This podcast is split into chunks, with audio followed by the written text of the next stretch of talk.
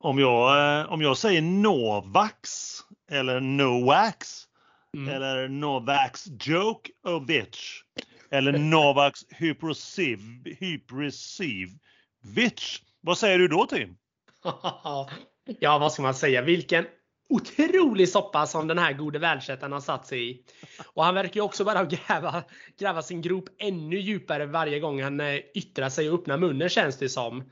Eh, var det inte till och med så att hans eh, föräldrar Emil var ute och svingade i media? ja, även de. Det har väl varit presidenten Serbien, han har också varit där. Mm. Så att, eh, och mamma, pappa, bror och fru och ja, de har ju hållit på allihopa. Ja. Ja. Men det är väl som jag sa förra avsnittet att eh, man skäms ju å tennisens vägnar. Mm. Eh, faktiskt. Hashtag eh, foliehattarna på kanske. Och sen kan man ju också fundera på Tim om man kan komma på ännu fler eh, smeknamn på denna pajas. Kanske, kanske Novaks Pajsovic. Ja, eller, var, eller varför inte det bästa av Djokovic kanske. Vad vet jag.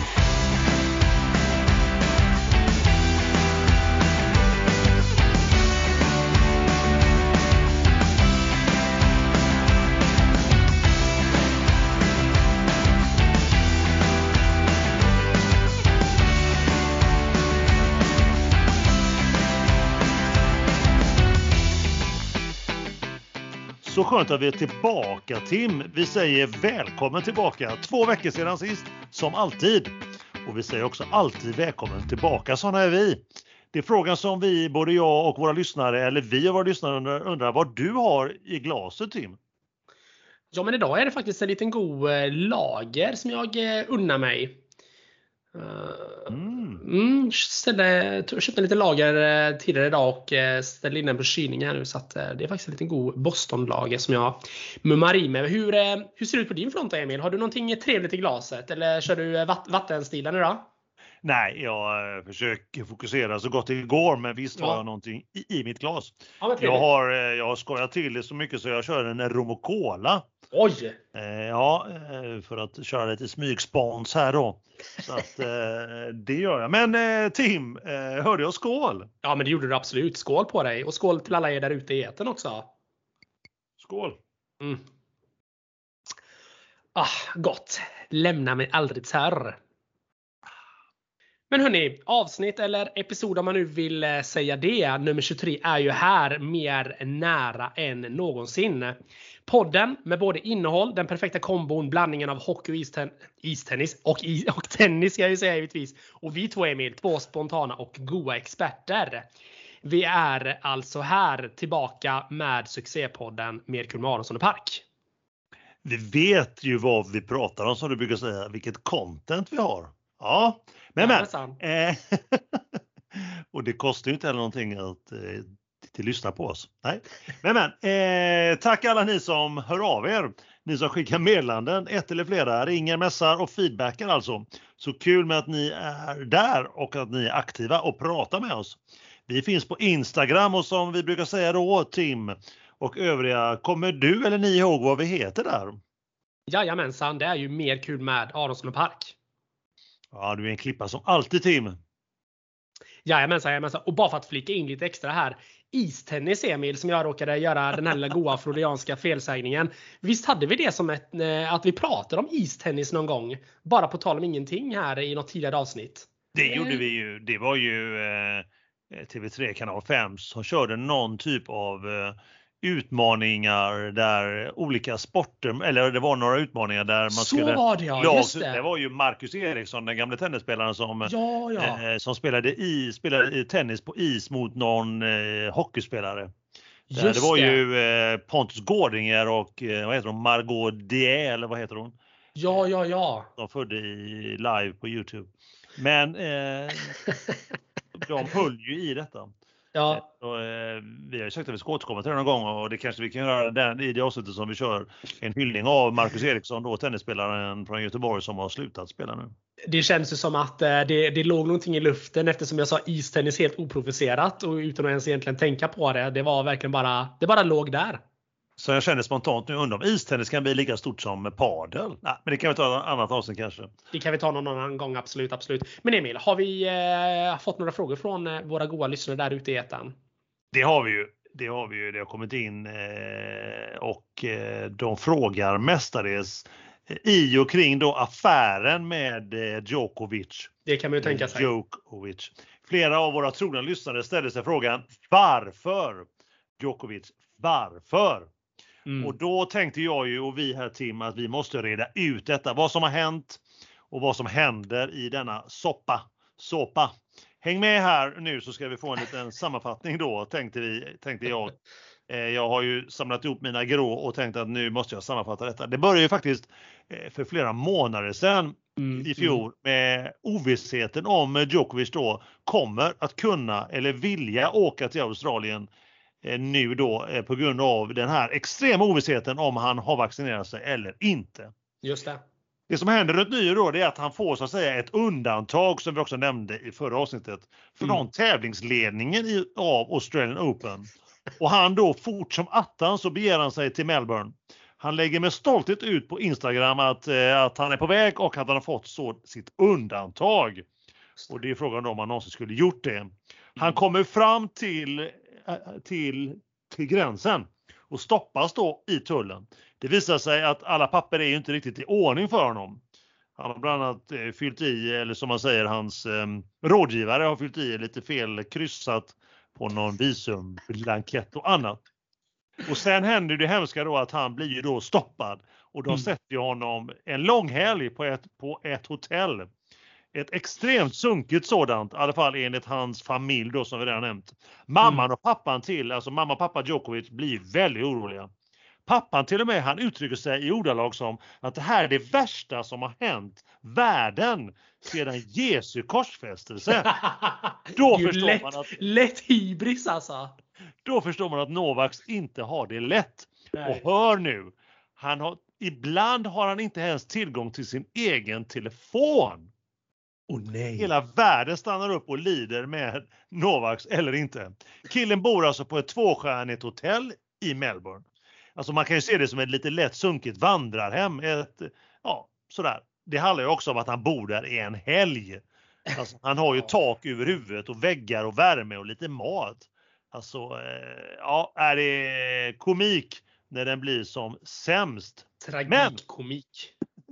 Exakt efter denna ack så berömda helg man får nästan döpa det till ett nytt, det blir kanske en sån ny storhelg som man kanske på fredagen kanske det kan bli eh, Novaks afton och på lördagen kan, nej.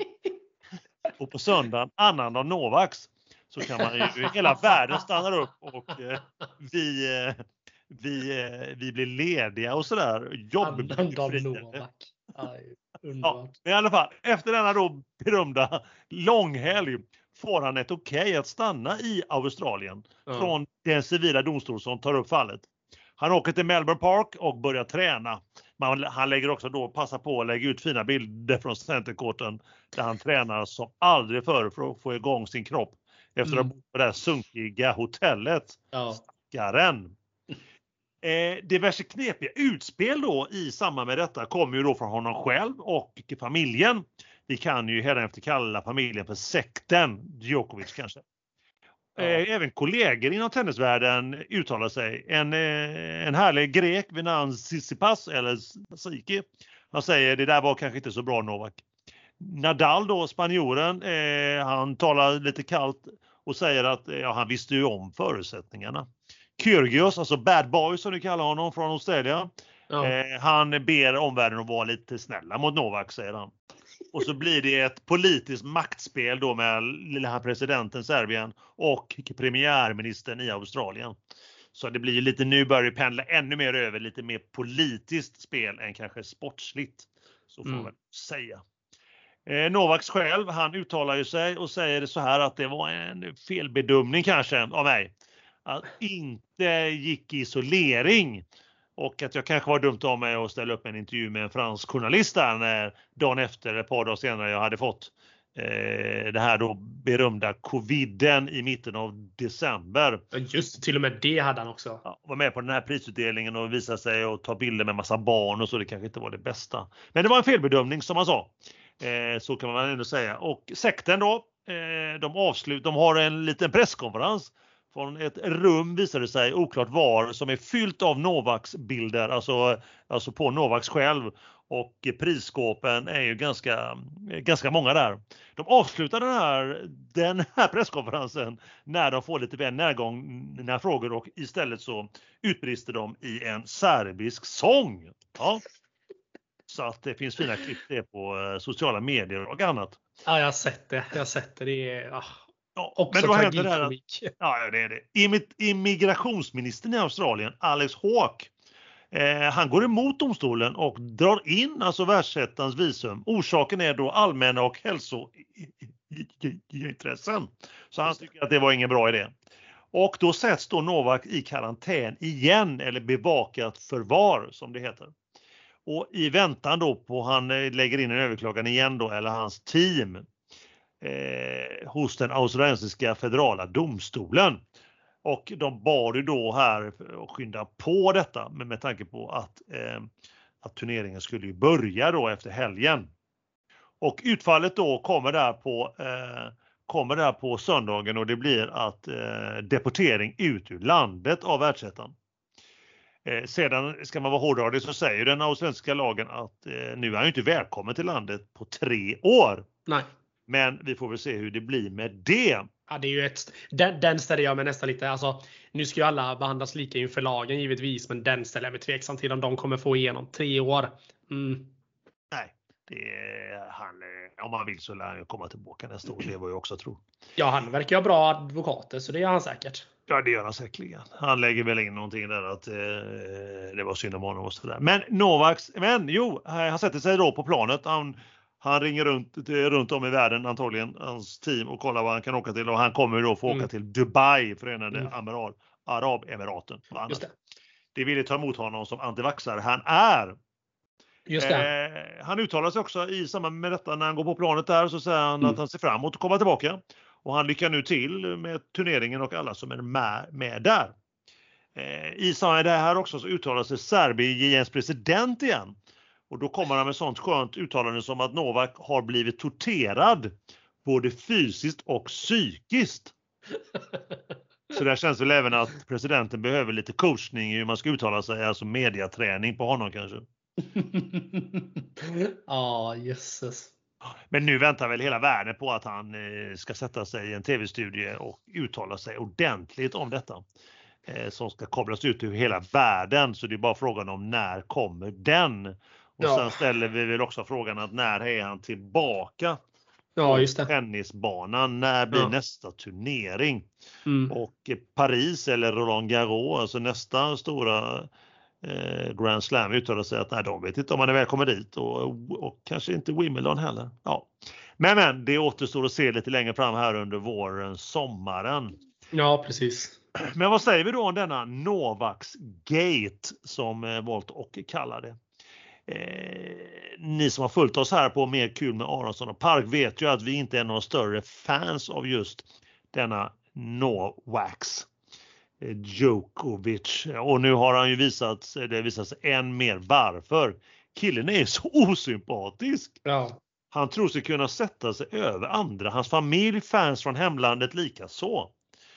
Nu kom det upp faktiskt en tråd eh, såg jag häromdagen om man skulle se allt vad han har gjort istället för världen, för hemlandet utsatta. Eh, för brand, bränderna i Australien bland annat, där, det kanske för några år sedan och sådär, att han har skänkt en, en massa pengar. Ja. Som om det skulle vara något förmildrande orsaker eller någon ursäkt kan man ju ställa sig frågan. Mm.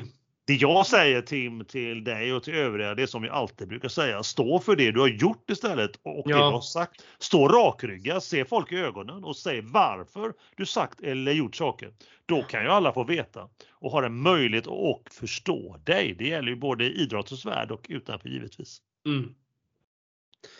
Ja men verkligen. Alltså det är alltså, precis som du nämner här så uh, vi, vi är ju lite men både du och jag Emil har ju lite svårt för det här när man är så oödmjuk som ändå Novak brukar vara i många, med många intervjuer och, och sitt sätt att vara så är han ju väldigt icke-ödmjuk och det är ju någonting som grinar oss lite i ögonen och det är väl därför eh, därför man brinner till lite extra då när man hör att det blir ytterligare osköna grejer från hans sida.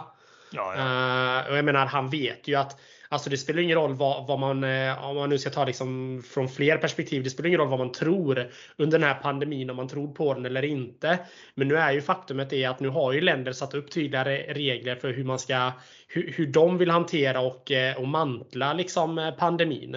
Jag menar, se till exempel på junior-VM som en dålig parallell. Där stänger man ner på fyra, efter fyra covidfall inom junior-VM. Då stänger man ner hela junior-VMet. Och här då så är det en enskild person som inte vill vaccinera sig. Men landet har tydliga lagar och regler över att man ska ha vaccinerat sig, kunna visa upp dokumentation etc. etc. Eh, så att alltså, förutsättningarna är ju glasklara för Novaks del och han vill att inte ta, ta vara på det och, och glida in som någon eh, rockstjärna med värsta stjärnstatusen. Jag menar, hallå eller? Ja, ja, ja, ja, ja. det var. Ja, det är helt otroligt. Det ska bli otroligt spännande att se vad som händer. Mm, eh, mm. Vad, blir, vad blir nästa drag? Eh, vad händer? Vad sker och hur, hur kommer tennisvärlden reagera på när han väl ställer sig på en tennisbana igen och ska spela turneringar igen runt om? Eh, mm. Europa och USA nu som eh, står här på lut här under våren. Eh, ja, men det är klart. Då, och sen då Paris i maj, juni där. Så det ska, mm. ja, ja, otroligt intressant att se vad som händer. Ja men verkligen. Vi har nog aldrig haft ett sånt långt eh, svar innan på på några reaktioner, några frågor från lyssnare? Nej, det tror, inte, det tror inte jag heller. Men bara för att eh, spä på det ytterligare lite då. Så jag har ju varit inne och kollat lite grann på sociala medier. Det är ju alltid intressant att se vad folk tycker och tänker kring de här, kring de här grejerna. Man märker ju också här att det är ett väldigt, väldigt eh, splittrat läger. Det är verkligen eh, Team Djokovic eh, mot övriga världen om man säger ja. så lite grann. Och man, man inser ju bara hur stor Djokovic ändå är inom liksom, eh, ja, men hur, hur han trendar och, och, och, allt där och hur mycket han berör faktiskt. Ja, ja, och, och, och, precis som eh, hälsoministern där i, eh, i eh, Australien sa så, så var de ju oroliga för att han skulle bli liksom någon, eh, ja, men någon frontfigur för eh, antivaxxers. Mm, och mm. kollar man då på sociala medier eh, så är det precis det han är. Ja men det är ju så, så är det ju. Så har det blivit ju och det blir bara värre och värre. Det ja men det är ju så, så att, eh, så att eh, vissa som inte gillar Djokovic och, och, och, allt det här, de tycker att det här var den bästa domen eh, de har sett någonsin och den mest rimliga domen som kunde ske. Mm. Medan då de mest inbitna Djokovic-fansen och antivaxxers-rörelsen de är ju helt så här. De, de har ju dömt ut Australien helt. De ska aldrig åka till Australien och det är världens största antifascistiska land blir de ju nu då. Så att, ja, det, är spänn, det är spännande vad, vad det vänder. Ja, det är det. det, är det. Han är också, han är också eh, numera världens bästa tennisspelare och kanske den bästa tennisspelaren som någonsin har funnits inom herrtennisen. Mm, så att mm. eh, det, är ju, det är ju det som jag alltid brukar säga. Alltså, vad är det för bild du vill måla upp av dig ja, själv? Ja. Vad är det för förebild du är för. Eh, för tennisvärlden, eh, yngre, äldre? Alltså, ja, är det, är, världens, största, världens största tennisspelare men världens sämsta varumärke för tennisen kanske? Ja, eh, helt klart. Ja, nu har han satt sig rejält så att säga det, det berömda klistret. Ja. Tim, vi kör vidare känner jag. Ja. Vi går över till lite påstående reaktioner från lyssnaren. Vad har vi där? Ja, men det är, jag vet inte riktigt om du också, om det är Team Emil mot Team, team Tim här. Men eh, det har ju regnat in reaktioner på just det här med eh, poängen eh, i hockeyn då kring mål. Första och andra assisten och målskytt och det som vi pratar om. Och liksom här har ju kommentarerna och funderingen och tankarna gått isär. Vissa säger ju att visst är möjligt att man ska kunna få fler än eh, två assist eller eh, få fler än två som får assistpoäng. Eh, så att de går ju helt på din linje där Emil och eh, jag vet inte riktigt eh, om du kanske ska ta över expertrollen i hockeyn också. Eh, du menar sektion K, rad 19 höger. Ja, men lite Stor så. nummer 19 Ja, men exakt, exakt. Men sen har vi ju då min lilla grupp, jag menar inte antiväxelgruppen utan team, teamgruppen. De går ju på det lite där istället Tim och då tycker väl att du kanske inte ska kommentera saken speciellt mycket med tanke på att ja, du äh, snurrar runt kring tennisen och allt poängsystem där. Så att de tyckte att dina tankar var lite godtyckliga. Jag tycker det var roligt. väldigt, väldigt roligt. Ja, du är menar bollen... bollen inne och ute och så eller? Är det det? Är bollen inne? Är den inte ja. inne? Och ah. etc. etc. Vilken, vilken tur nu då med coviden att man har fått införa att linjedomarna har ju plockats bort och det har blivit så att säga datorn som styr linjen ja. där som, som ja, tar om. Live Hawkeye. Att, ja. eh, då kanske det blir lite mer tydligare där. Det kanske de ska införa i hockeyn. Att det är datorn som, av, nej, men datorn som avgör vem som får assisten. Just Om det är en, två, tre eller fyra eller, ja, nu, eller, eller halva hallen. Nej men alltså det, det kanske blir, det kanske blir, det kan ju bli liksom kanske live Hawkeye i hockey. Ja. Kom ihåg säga, vad du hörde det först Tim. Det, det lät som någonting för istennis. ja, just det. Vi får ringa upp någon expert, kanske Pontus Gårdinger och bjuda in honom. Det tycker jag verkligen. Det tycker jag verkligen. Men Emil, ska vi ta en liten eh, skål på denna inledningen kanske? Det gör vi. Det gör vi. Fantastiskt jag jag som helt, vanligt. Eh, ja. Verkligen, jag är helt törr här nu. Så ja, nu måste jag fylla bra, på. Vilket bra content! Mycket. Skål! Skål! Men Tim och övriga, vi inleder då, eller fortsätter kanske som sig bör med ämnet veckan eh, som gått, eller veckorna som gått. Och fin, fin som jag är och alla 2022 så undrar jag om du vill börja Tim? Emil, du bara, du bara levererar ödmjukheten själv.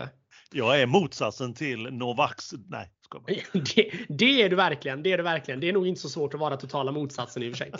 Men absolut, jag, jag kan absolut ta taktpinnen här i början och eh, jag tänker väl att vi får väl börja dra igenom eh, SHL-hockeyn som har varit då. Och eh, det största snackisen som har varit nu och kanske den lilla glädjen för oss supportrar. Ett tidigt påskägg, en sen julklapp, jag vet inte vad man ska kalla det. Men taket som skulle införas nu på onsdag här nu den här veckan om 500 personer på matcherna kommer inte att ske. Utan man har valt att lägga in 500 per sektion. Eh, som kommer att gälla då förutsatt att man då inte sitter angränsande till andra sällskap. Det måste vara tydliga avstånd då. Eh, och att man har fler än en ingång till sektionerna. Som, eh, som du uppdaterade på mig här innan podden drog igång.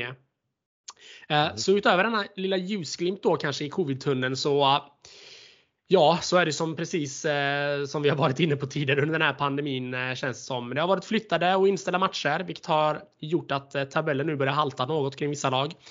Eh, det innebär ju också nu att i samband med de här, det här kommande OS som är på väg så kommer det bli tufft tror jag för vissa lag att få ihop spelschemat speciellt bra här nu framöver utan att bli helt övermatchade. Eh, med tanke på att matcherna måste ju spelas. De kan ju inte bara ställas in. Så är det ju. Eh, däremot så tycker jag att eh, schemaläggarna nu i SHL har faktiskt gjort ett väldigt bra jobb. Då man nu har flyttat en del matcher som och, och, och flyttat, vad heter det, de har flyttat eh, eh, en del matcher och eh, lagt dem tidigare lagt de matcherna helt enkelt då för de lagen som inte har covid-smittade i laget. Vilket har gjort att ändå serien har kunnat rulla på i en viss mån. Ehm, så att det är ju väldigt, väldigt bra. En annan sak som jag snappade upp här nu lite under veckan, det var ju att Skellefteås tränare Robert Olsson var ju ute och halvsvingade lite grann mot de andra lagen som inte hade satt sig i fullständig karantän. Han menade då att eh, de inte tog sitt ansvar helt och testade alla spelare. Något som det heller inte då finns grund till att göra om de inte har uppvisat symptom menar ju då de anklagade lagen i sin tur.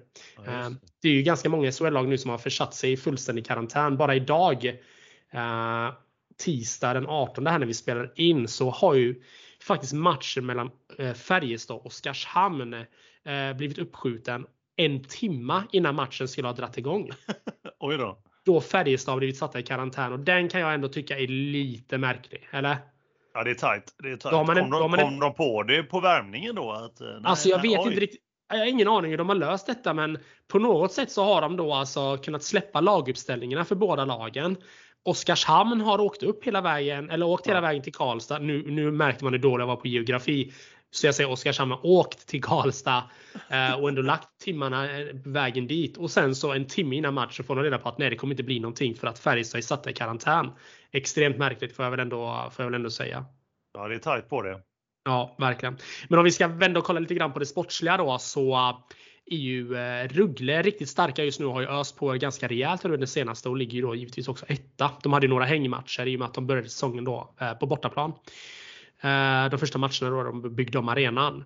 Eh, men laget har ju haft det lite, lite ryckigt då rent eh, spelarmässigt då de har haft både en del skador och nu även covidfall då som gjort att man även i Ängelholm nu i veckan fick ställa in och stänga sin verksamhet på A-lagssektionen. Igår, i måndags då Emil, så ja. gjorde sig Malmö gjorde sig av med sin nykontrakterade tränare. De sparkade honom. Det är också lite spännande. Han, eh, han eh, signerade ett nytt kontrakt här bara för eh, några månader sedan och efter förlusten igår mot Oskarshamn så fick han sparken. och med tanke på det fina lag som Malmö ändå sitter inne på i år, kanske det finaste laget de har haft på många, många år, så får man väl ändå kalla den här, ja, den tid de har spelat nu den här säsongen för en stor flopp. Helt klart.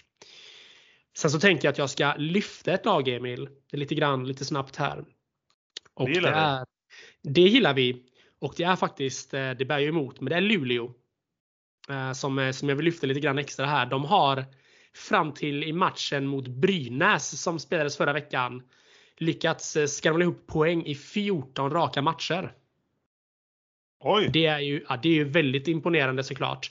Ja, uh, men de gick på pumpen mot Brynäs och den sviten raserades därmed. Uh, sen så fick uh, Skellefteå ja, ta, ja, de fick eh, Luleås vrede mot sig helt enkelt när, eh, när Luleå åkte och vann eh, sen derbyt där.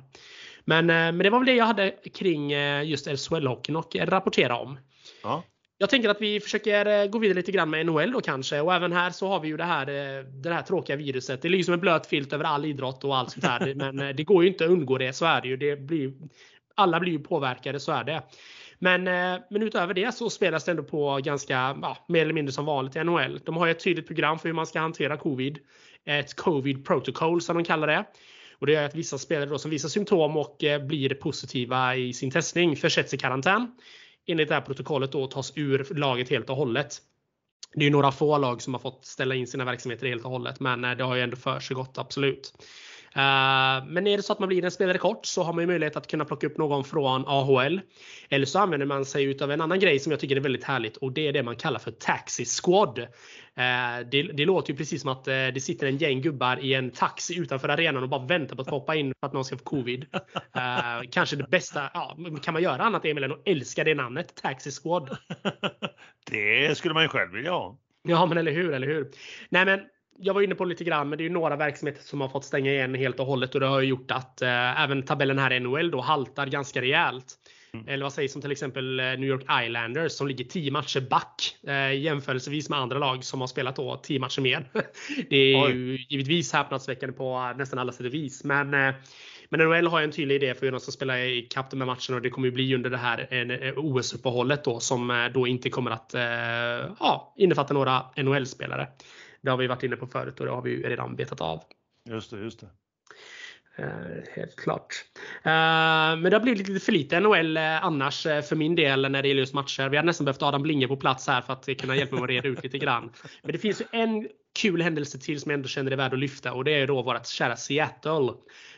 Jag har ju satt på varenda notis Emil kring Seattle Kraken så att jag får all, all info.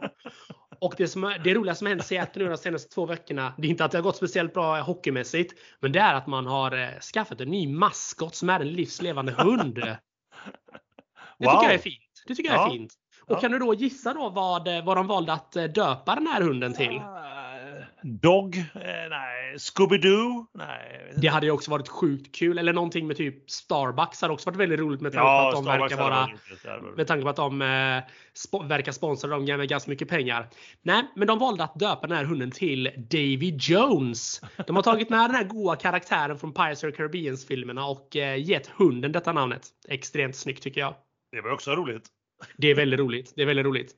Vi klappar upp boken där för NHL och beger oss till, vidare till vår alldeles egna favoritturnering Emil, CHL. Mm, Champion Hockey League. Ja. Jajamensan, och återigen så blev Ruggle numret för stort för Frölunda som därmed får lämna CHL. Men vilka Rögle kommer få möta i final? Det är ju fortfarande oklart Emil, för de har inte lyckats spela den andra semin på grund av, ja, jag behöver knappast eh, nämna varför. Så att eh, så CHL så väntar vi på nästa motståndare då för Rögle helt enkelt. Och eh, vet du vad? Det var det jag hade om hockeyn. Och nu Emil vet jag att du har massor att prata om när det gäller tennis. Ja, tack Tim. Fantastiskt. Jag får säga Tim att eh, fantastiskt roligt att höra dig gå igenom SHL och NHL och CHL och eh, allting där är fantastiskt. Som alltid lärorikt och man kommer på något nytt och får nypa sig i armen och tänka, drömmer jag eller är det sant?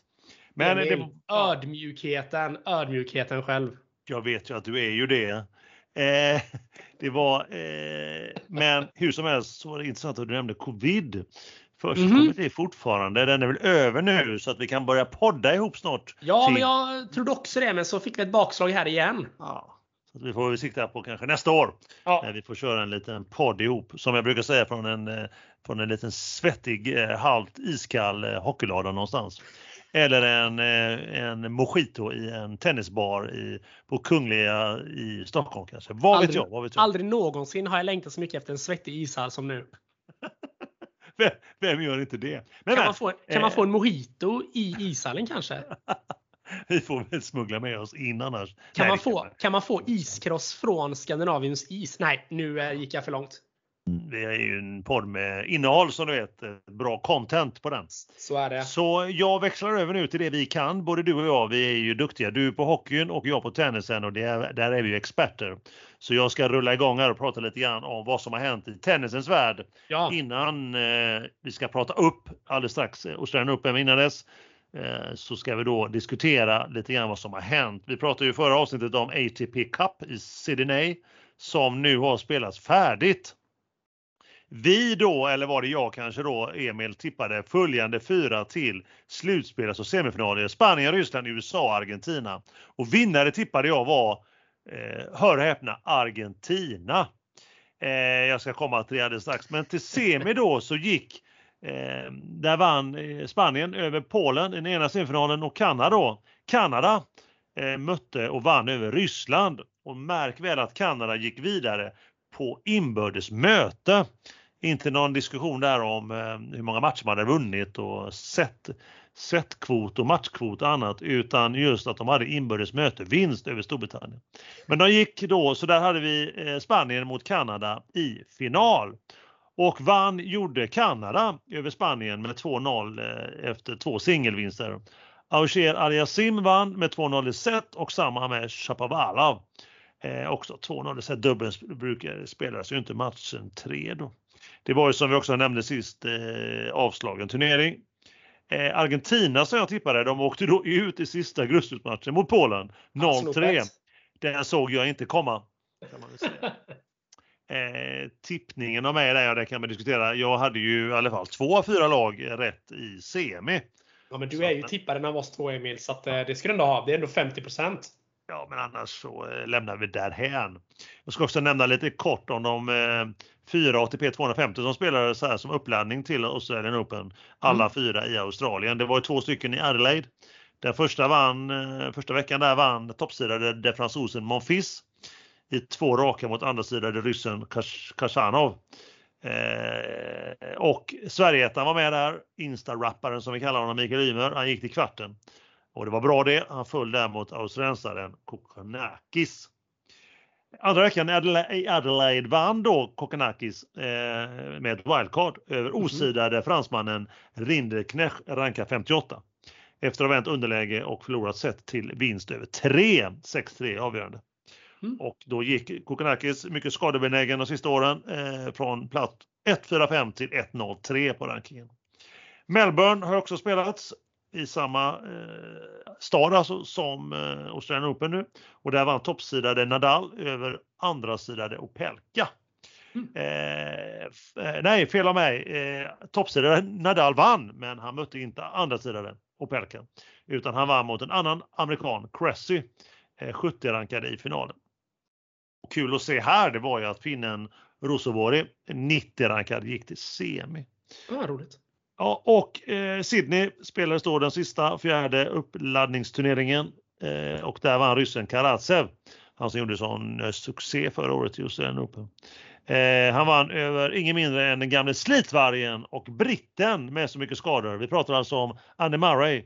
Eh, ranking just nu 1-3-5 innan tävlingen men nu har han gått upp ungefär 20 platser efter den vinsten.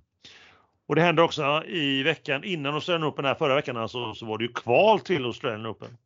Eh, där hade vi en svensk med på herrsidan, Elias Ymer. Han vann två matcher, spelade kvalfinal där han dock förlorade mot eh, chilenaren Tapilo. Eh, även mm. eh, lite slarvigt eh, kallad för Stabilo för han är så stabil. Rankad 136.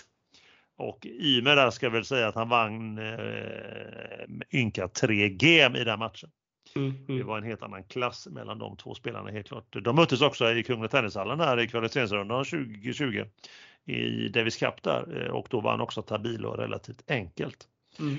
Eh, vid eh, nederlag i kvalfinal så är man ändå chans att bli lucky loser in i huvudturneringen. Och där går man då efter ranking och eh, lottning på ett, ett raffinerat sätt. Och det visar sig att Elias då hamnade precis utanför. Så hade en till hoppat av här innan första omgången spelades då i måndag, tisdag, igår och idag i, när vi spelade in det avsnittet så hade han kommit in. Men han gjorde inte det. Han var alltså nästa man på tur. Så mm. nära, så nära. Elias Ymer då eh, får åka vidare och spela i Indien nästa turnering här om eh, en och en halv vecka drygt. Där han ska kvala verkar det som också. Så är det med det Tim. Mm, det här var mm. veckan som gått när det gäller både ishockey och tennis.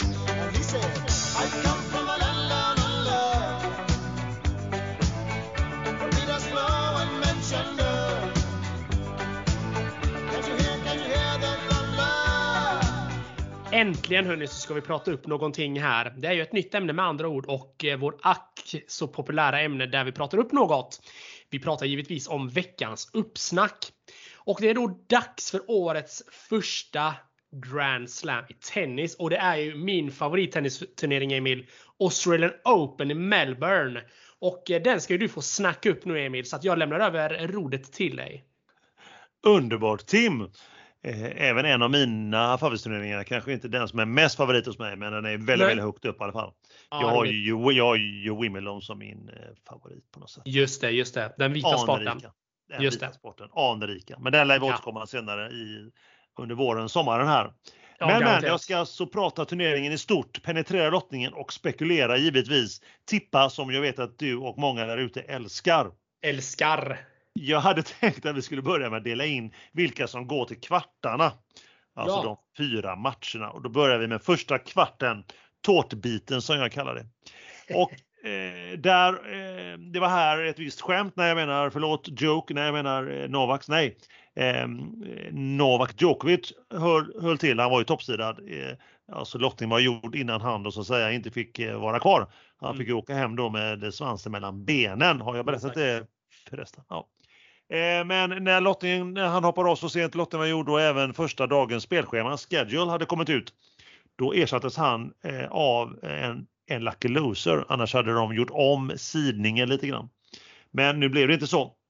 Utan en skön italienare vid namn Caruso eh, kom in rankad 150 i världen och tog då första platsen eh, högst upp på lottnings, i lottningsträdet som lucky loser.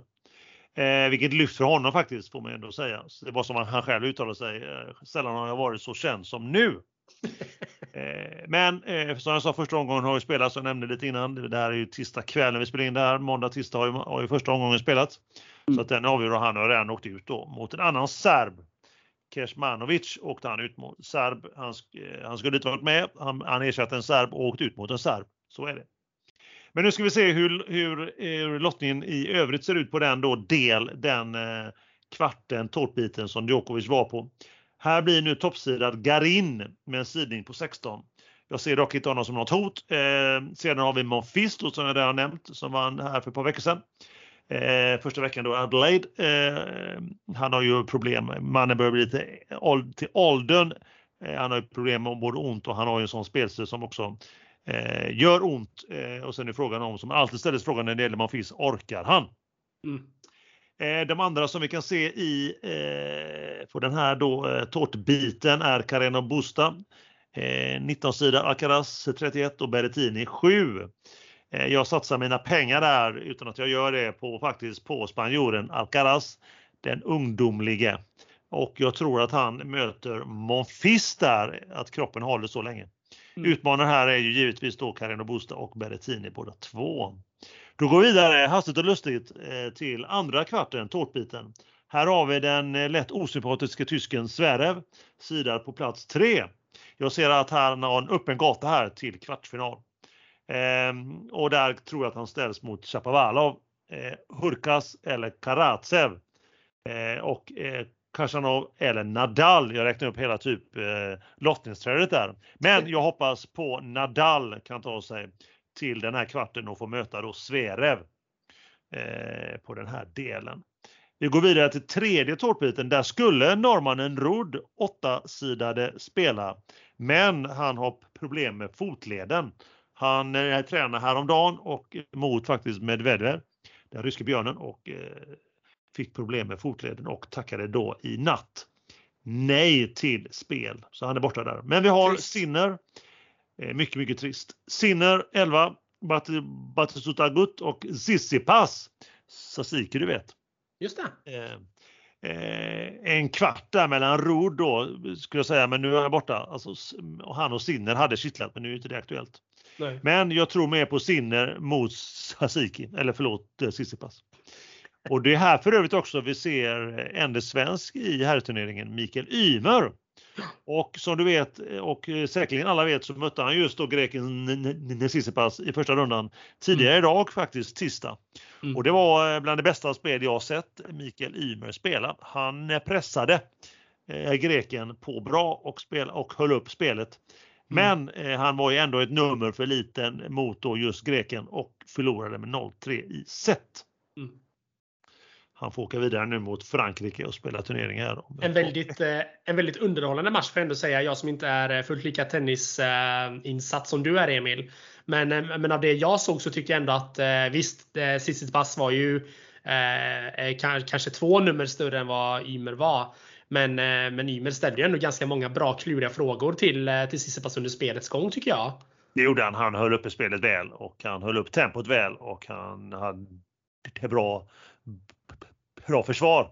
Mm. Eh, och det är kul att se. Eh, det är kul att se om man jämför, för de möttes ju även förra året i Australian mm, Open i, exakt. i den tredje omgången där och då vann ju Tsitsipas också då i tre raka, men mm. mycket enklare. Mm. Sen är väl eh, grekens form just nu lite mer tveksam om man jämför med förra året. Och, mm. Men Ymer har ju helt, helt klart höjt sig. Är de fortfarande träningspartners? De med, med, med, med tränar ihop och de är ju jämngamla så de har spelat mycket ihop genom åren. Mm. mm klart. Mm.